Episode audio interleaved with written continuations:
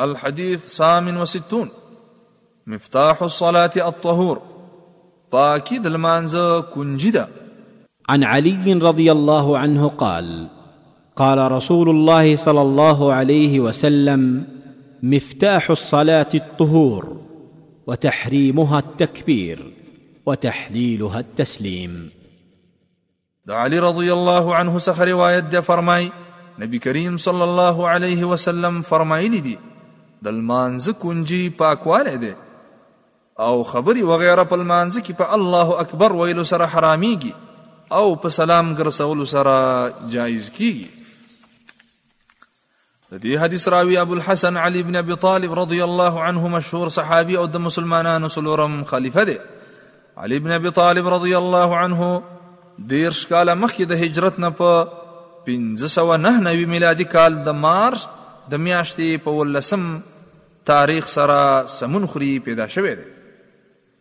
علی بن ابي طالب رضی الله عنه د نبی کریم صلی الله علیه وسلم د تر زوی او د هغه د لور فاطمی رضی الله عنها خاوند دی علی بن ابي طالب رضی الله عنه په وړکوالي کې په دین اسلام مشرف شو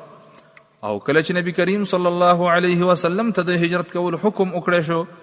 نو علی بن ابي طالب رضی الله عنه د هغه په بستر باندې ود شو او د نبی کریم صلی الله علیه وسلم په ځای خپل ځان قرباني کولو ته تیار کړ هر کله چې د مکی مشرکین قریش په دې ګمان باندې راغل چې نبی کریم صلی الله علیه وسلم به ودوي او مونږ به یې قتل کړو نو پوه شو چې مونږ سره دوکه کړې شوی او دا نبی کریم صلی الله علیه وسلم نه دی بلکې دا خو علی بن ابي طالب رضی الله عنه دی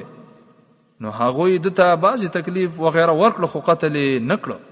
او علی بن ابي طالب رضی الله عنه مخکې د دې نه چې هجرت وکړي هغه امانتونه کوم چې نبی کریم صلی الله علیه وسلم ورته ښودلي وو خپلو خاوندانو ته وسپارل علی بن ابي طالب رضی الله عنه د قرآن عالم او د ډیرو ښو صفاتو خاوند و په فیصله کولو او فتوا ورکولو کې ځانګړی مهارت درلود او همدارنګه ډیر زړور او د پوهې خاوند د تبوک د غزا نه بغیر نورو په ټولو غزاګانو کې د نبی کریم صلی الله علیه وسلم سره شریک شوی دی علی ابن ابي طالب رضی الله عنه یو د هغه لس اصحابه کرامو جملې څخه دی کوم ته چې په یو مجلس کې د جنت زیره راغلی او د مسلمانانو څلورم خلیفه و د عثمان رضی الله عنه د شهادت نه وروسته ورسره په کال 15 هجري کې د مسلمانانو لخوا بیعت وکړی شه د د خلافت موده 15 کال او درې میاشتې 15 کال او درې میاشتې و او بیا په څلوېښتم کال له هجرت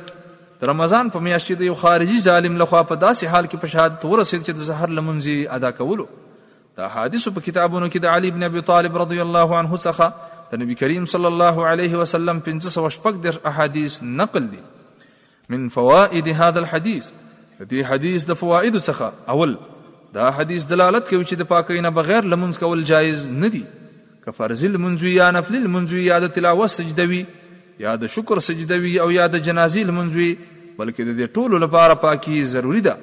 په اوبو سره او که اوبنوي نو بیا په تیمم وهلو سره دوهم، په دې حدیث کې تحلیل او تحریم اضافت شوی دی لمانځه ته. مناسبت دا دی چې د تک تکبیر الله اکبر ویلو سره په لمانځه کې هغه څه حرامېږي کوم چې د لمانځه نه بهر جایز وو لکه خبرې وغیره او په تسلیم سلام ګرځولو سره هغه څه جایز کېږي کوم چې په لمانځه کې جایز نه وو لکه خبرې وغیره. دریم، الله اکبر ویلو سره په لمانځه کې د داخلېدو ته تحریم ځکه وایي چې په الله اکبر ویلو سره په لمانځه کې خبرې خوراک وغیره حرامېږي. څلورم، په سلام ګرځولو سره لمونځ کوونکي ته هغه څه جایز کېږي کوم چې ده باندې حرام وو په لمانځه کې او د سلام الفاظ دا دي، السلام علیکم ورحمة الله، ویل یو کرت ښي طرف ته او یو کرت چف طرف ته.